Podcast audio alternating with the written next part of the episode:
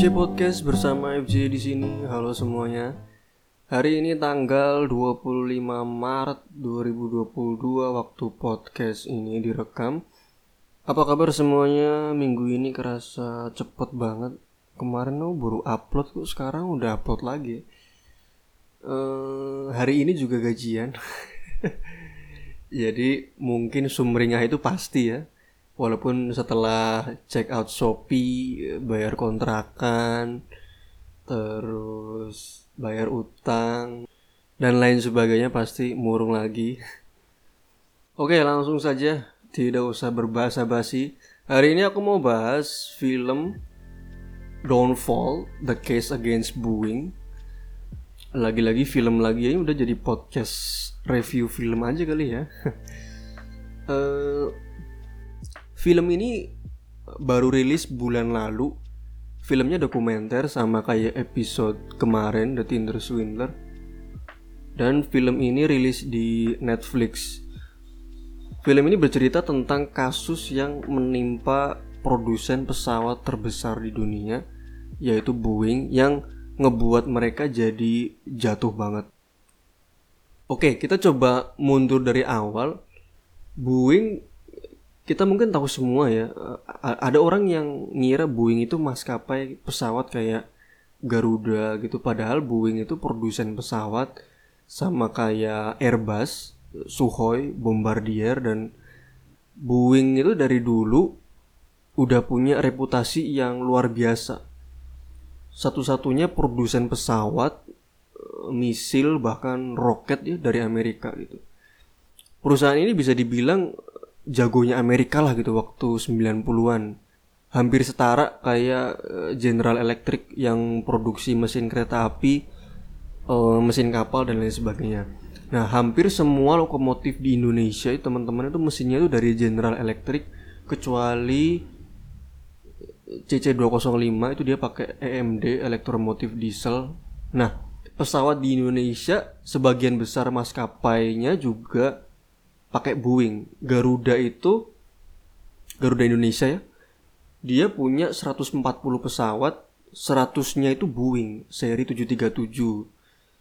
Lion, Lion Air itu punya 350 pesawat, 200-annya itu Boeing, sisanya Airbus kompetitornya. Jadi Boeing itu selalu punya kepercayaan buat maskapai-maskapai terbaik lah.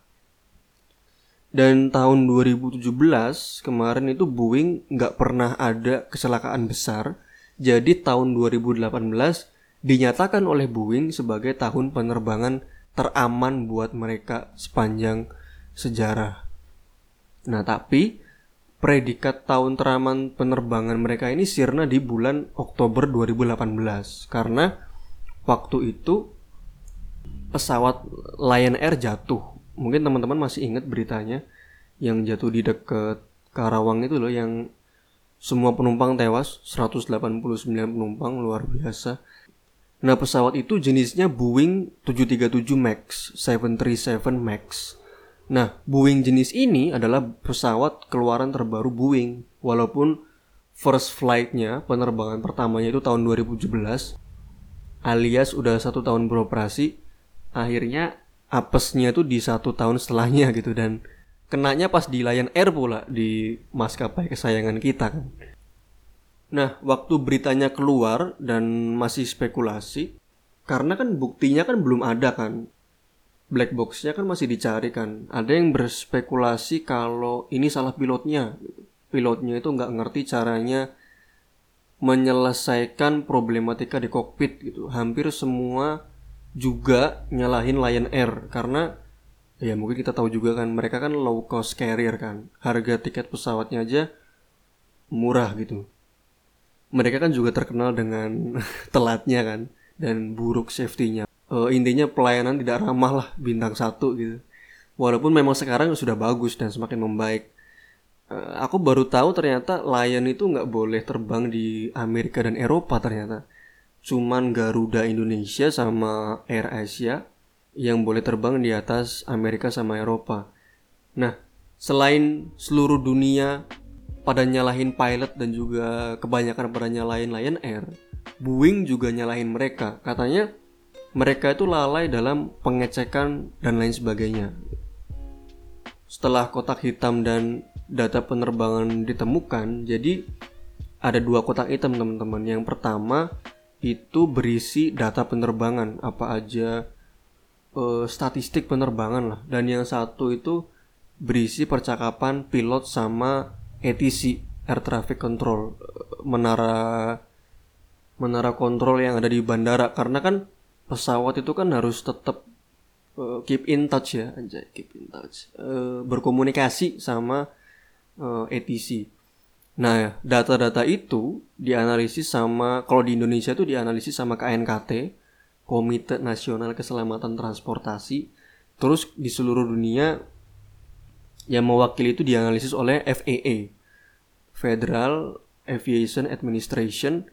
Terus beberapa jurnalis juga menganalisis datanya. Kalau di film itu jurnalis eh, New York Times yang menganalisa.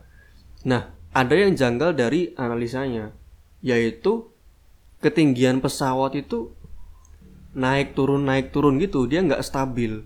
Dan turunnya itu lebih banyak daripada naiknya. Jadi turunnya banyak naiknya sedikit. Semakin turun semakin turun.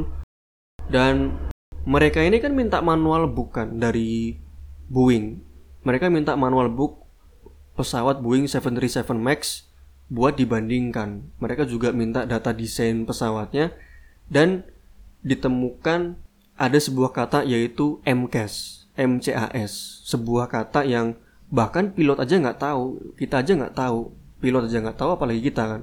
Cuman mereka orang Boeing aja yang tahu kata itu. Nah, MCAS ini kepanjangan dari Maneuvering Characteristic Augmentation System yang intinya adalah sebuah sistem yang mengatur supaya pesawat itu bisa stabil di atas awan gitu. Karena desain dari pesawat terbarunya Boeing ini 737 Max ini 737 Max dia itu lebih panjang dari generasi sebelumnya dan mesin pesawatnya itu lebih dikedepanin. Jadi menurut insinyurnya mereka desain seperti ini kalau misalkan dia take off, dia lepas landas pesawatnya itu dia bisa pesawatnya itu bisa terlalu tinggi, terlalu miring ke atas dan bisa menyebabkan itu nanti pesawatnya bisa stall. Stall itu jadi pesawatnya karena saking miring ke atasnya waktu take off, waktu lepas landas, dia bisa kehilangan daya gitu. Dia bisa kehilangan daya terus dia bisa terjun bebas kayak kayak batu aja gitu dan MCAS ini didesain supaya ketika pesawat itu terlalu miring ke atas itu diturunin sedikit secara otomatis oleh sistemnya. Sedikit sedikit dan digerakkan otomatis kan. Berdasarkan sensor. Sensornya ini ngebaca arah angin arah pesawat dan lain sebagainya. Nah kalau di kasus Lion Air ini kenapa bisa jatuh? Karena sensornya ini si sensornya ini by the way letaknya itu di hidung pesawat jadi di depan bentuknya kayak kayak stick kecil gitu loh nempel di hidung pesawat ada dua di kiri sama di kanan. Dan itu entah itu error atau gimana dia ngirim sinyal ke sistem pesawat bahwa pesawat ini terlalu ke atas bisa stall. Padahal aslinya enggak pesawatnya itu terbang normal biasa aja. Sensor MCAS-nya ini entah error atau gimana gitu. Dan akhirnya karena ngirim sinyal palsu kan ibaratnya kan sinyal palsu itu akhirnya sistem MCAS-nya ini aktif dan dia mulai nurunin pesawatnya secara otomatis. Di situ mulai warning kan apa segala macam di kokpit dan ketinggiannya kan jadi nggak stabil. Nah si pilot ini tahu nih kalau si pesawat itu turun kan, tapi dia masih cari tahu apa sih penyebabnya, apa sih yang nyebabin pesawat dia tuh turun sendiri karena tadi pilot aja nggak tahu kalau di pesawat Boeingnya itu ada MCAS dia aja nggak tahu apa itu MCAS gitu. Nah karena dia tahu pesawatnya turun, dia naikin dong otomatis. Jadi ada fight, ada pertarungan antara pilot yang naik uh, yang naikin ketinggian pesawatnya dan sistem MCAS yang uh, nerima sinyal palsu tadi yang nurunin pesawatnya. Jadi naik turun gitu. Tapi karena turunnya lebih kenceng daripada naiknya, ya pilotnya kalah sistemnya yang menang akhirnya pesawatnya jatuh gitu. Gila ya dikalahin sama ciptaannya sendiri.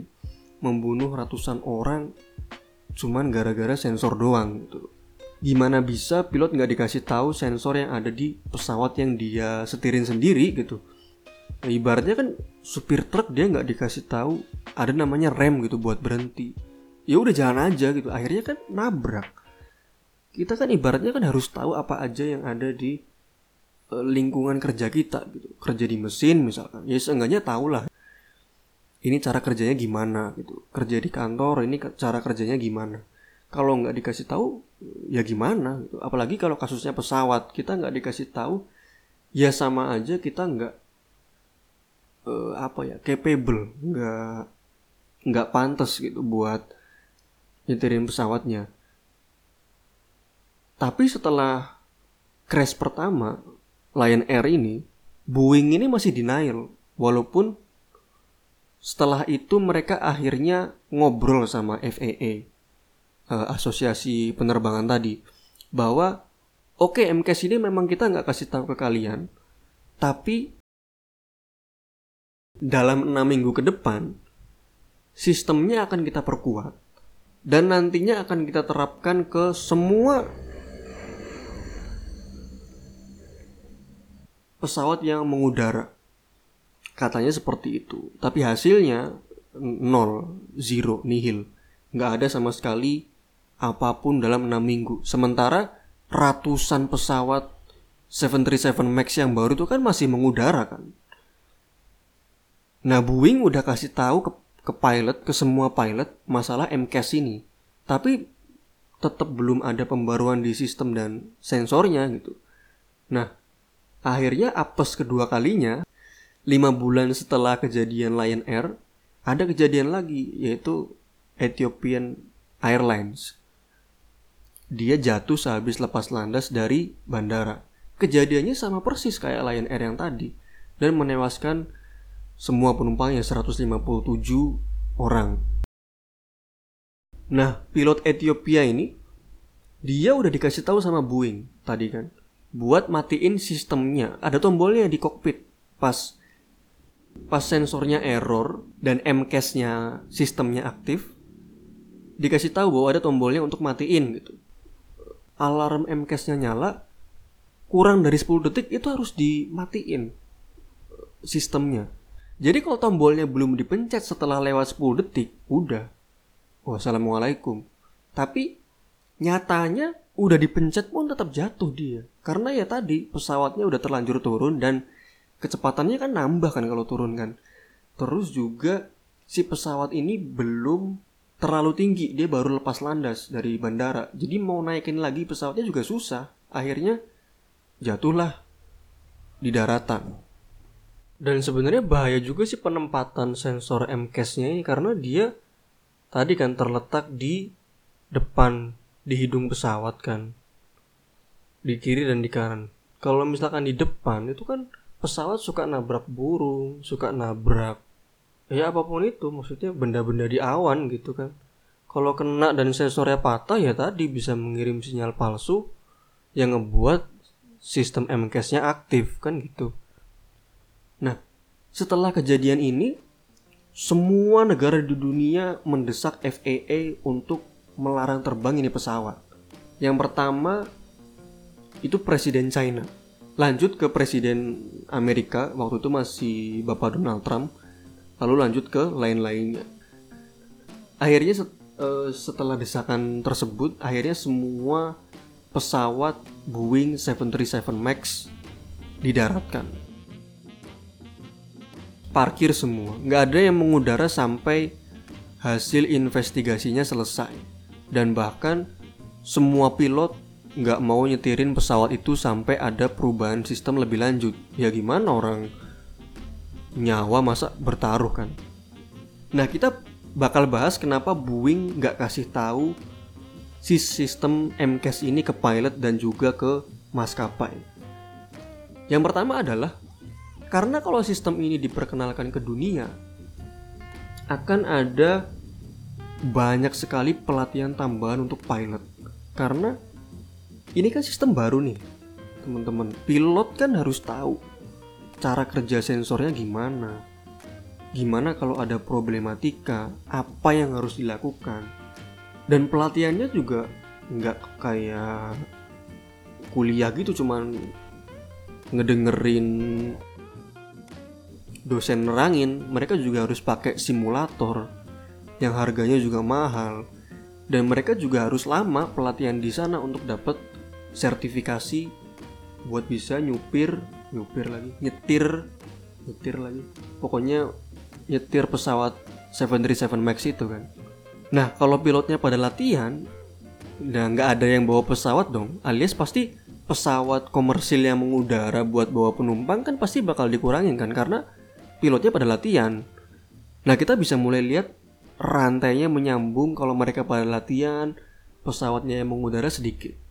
Ngaruh ke income maskapai. Maskapai bisa rugi. Belum lagi harus bayar pelatihan pilotnya karena ngelatih pilot satu itu kan mahal ya teman-teman dan belum dikali satu maskapai punya berapa pilot yang harus dilatih katakanlah Garuda Indonesia tadi punya 140 pesawat katakanlah setengahnya lah 70 ikut pelatihan pilotnya. Kali berapa juta itu kan uang yang banyak. Jadi Boeing nggak mau rugi dia juga nggak pengen bikin maskapai pada rugi gitu. Kembali lagi memang it's all about money. Pengeluaran sesedikit mungkin pemasukan dibanyakin. Nah alasan kedua pesawat ini akan butuh lama sekali untuk sertifikasi cek lain-lain dan harus butuh beberapa negara untuk membolehkan pesawat ini terbang di negara mereka kan? Karena ya tadi aja kasus Lion Air gitu walaupun pesawatnya bagus dan maskapainya juga sebenarnya oke okay, mereka itu nggak boleh terbang di atas Amerika dan Eropa gitu. Itu kedua yang akarnya juga sama aja money kan? Yang ketiga kalau tadi kedua soal lamanya minta izin yang ketiga ini uang yang diperlukan untuk minta izin gitu. Itu juga masalah. Lagi-lagi akarnya it's all about money kan. Nah, akhirnya timbul pertanyaan kenapa Boeing yang industri pesawat terbang terbesar di dunia safety-nya sangat disegani dari dulu, kenyamanannya nomor satu gitu, lebih memilih cuan daripada keselamatan.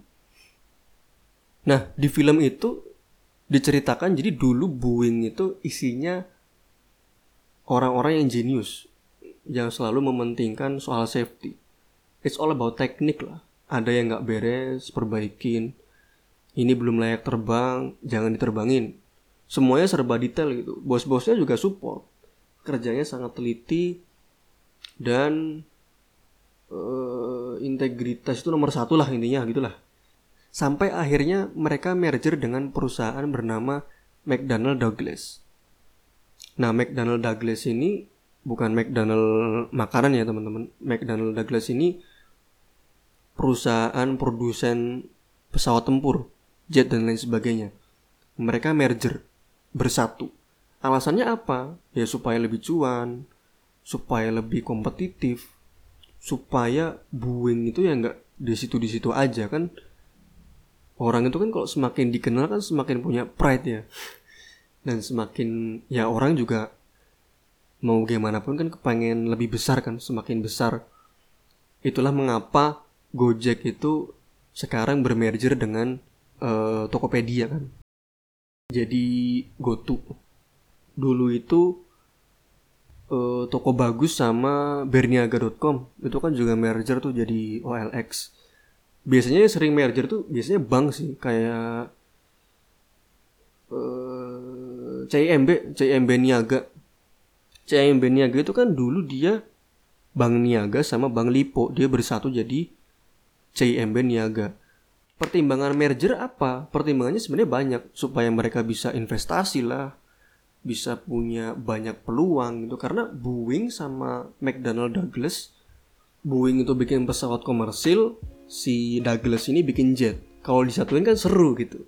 Bisa punya opportunity yang besar ke depannya. Nah, problematikanya adalah problematikanya adalah kebanyakan perusahaan yang merger ini itu nanti ujungnya pasti ada kesepakatan dan pasti itu satu kesepakatannya. Apa itu? Cuan. Karena kan buat apa bersatu kalau nggak sama-sama saling menguntungkan gitu loh. Nah akhirnya Boeing yang tadinya orientasinya safety, orientasinya adalah awareness, integrity, uh, quality, unity in diversity gitu. itu akhirnya berorientasi ke keuangan. Berorientasi ke keuangan keuntungan kecuanan ya pokoknya uan-uanan lah gitu. Karena rahasia kesuksesan itu kan gitu kan it's all about money. Akhirnya budaya yang mereka terapkan selama berpuluh-puluh tahun itu sirna karena satu kata cuan. Kata yang keren itu uh, quality over quantity. Eh sorry sorry. Quantity over quality. Kebalik. Semakin banyak pesawat yang dijual semakin cuan lah mereka kan gitu kan. Ya gores-gores sedikit pesawatnya nggak apa-apa lah gitu. Ya oh ini ada bau satu nggak kenceng. Eh tapi nanti kita nggak dapet target produksi nih kalau misalkan lama ngerjainnya. Oh ya udahlah oke lolosin aja gitu pesawatnya gitu gitulah. Kapasitas produksinya dinaikin tapi nggak memperhatikan keselamatan. Banyak juga pegawai yang akhirnya dipecat buat efisiensi perusahaan katanya, efisiensi pekerjaan. Bos-bos lama, insinyur-insinyur lama yang pintar soal teknik dipecatin. Akhirnya banyak merekrut orang-orang baru yang masih semangat kerja buat ngepres uh, produksi biar semakin cepat. Kita mungkin sering dengar problematika kayak gini kan teman-teman di dunia kerja kan ya mungkin itu mau kerja kantoran atau kerja pabrik kan pasti pasti kan ada masanya gitu kita digantikan oleh yang entah itu oleh teknologi entah itu oleh mesin entah itu role kerjaan tersebut sudah nggak butuh orang gitu untuk ngehandle nya nah dari kesalahan kecil tadi ya udah satu satu baut nggak kenceng tapi nanti nggak target nanti dilolosin itu semakin besar semakin besar sampai akhirnya sampai di kasus MCAS ini. Wah nanti kita harus bayar sertifikasi. Wah nanti kita harus bayar pilot buat latihan. Wah nanti kita harus nyuruh maskapai buat, woi pilot lu tuh harus latihan woi gitu kan. Ya males kan nanti kan rugi akhirnya kan. E, maskapainya rugi karena uangnya spending banyak untuk pilot, Boeing juga rugi gitu. Akhirnya sistemnya disembunyiin. Akhirnya final rilisnya adalah manual book yang dikasih ke FAA asosiasi pesawat tadi itu manual yang menyembunyikan identitas MCAS. Mereka berdalih MCAS ini cuman sistem pendukung aja. Udah pesawatnya aman, nggak perlu latihan tambahan gitu. Karena pada saat itu juga setelah merger dengan McDonnell Douglas, ada kompetitor dari Boeing yang namanya mulai naik juga. Siapakah dia? Airbus. Mereka ini memang bersaing ketat sih teman-teman dari awal 2000-an. Mungkin teman-teman juga pernah dengar pesawat jenis Airbus. Secara body sih memang hampir sama ya kalau memang dilihat langsung. Tapi mereka sebenarnya beda. Airbus ini juga markasnya mereka di Eropa, di Perancis. Gitu. Dan saham Boeing itu disalip sama Airbus tahun 2003 dan Airbus memperkenalkan pesawat yang hemat bahan bakar dia memperkenalkan pesawat yang kapasitas penumpangnya lebih banyak kelistrikannya lebih simpel. Karena maskapai itu kan juga boros kan. Mereka selain harus bayar pilot ngegaji pilot pramugari apa segala macam mereka kan juga harus bayar solarnya kan. E, apa sih? Aftur afturnya kan. Aftur itu misal satu liter itu sepuluh ribu sepuluh ribu rupiah satu pesawat itu kapasitas bahan bakarnya itu 26 ribu liter. Coba aja dikali 10 ribu udah 260 juta coy. Satu pesawat doang itu 260 juta. Kalau misalkan tadi Garuda punya 140 pesawat 260 juta kali eh, 140 36 miliar. 36 miliar coy. Ya, itulah mengapa mungkin Garuda bangkrut ya selain biaya solarnya mahal petingginya juga pada korup five star loh. Mereka tuh penerbangan bintang 5 loh. Bangkrut coy. Apalagi covid kan sekarang aku sih nggak paham sih nggak kebayang sih masa sulitnya karyawan-karyawan Garuda ya. Uh, anjir tadi sampai mana? Anjir kebiasaan dah ke mana-mana. Tadi sampai disaingin Airbus. Disaingin Airbus nah oh ya saham Boeing dikalahin Airbus Airbus punya pesawat baru dan lebih hemat bahan bakar. E, Boeing akhirnya kelabakan dong. Panik nggak? Panik. Panik Boeing. Akhirnya mereka bikin pesawat yang desainnya sama 737, 737 itu desain udah 40 tahun lebih nggak ganti-ganti loh. Akhirnya ya yang tadi aku jelasin di awal, dipanjangin pesawatnya, mesinnya dimajuin, digedein, tapi ya tadi konsekuensinya adalah bisa stall tadi kalau terlalu miring, akhirnya dipasang MCAS. Tapi karena pengen cuan, gengsi dikalahin Airbus, mereka akhirnya menyembunyikan sistem tersebut dengan dalih supaya gampang, gak usah pelatihan, sertifikasi gampang, dan penjualannya juga bisa laku keras gitu. Berhasilkah Boeing? Berhasil ternyata. Pesawatnya laku keras, banyak pesanan, banjir pesanan. Sampai akhirnya apesnya juga datang juga insiden pertama yang meruntuhkan saham dan reputasi mereka gitu yang kejadian di uh, maskapai tercinta kita Lion Air ya gitulah ngerinya uh, naik pesawat ya teman-teman kita nggak pernah tahu apa yang akan terjadi di atas gitu dan nggak ada yang bisa nolong gitu. Makanya aku sampai sekarang juga belum berani gitu naik pesawat. Ya, sebenarnya nggak punya uang sih bukan nggak berani.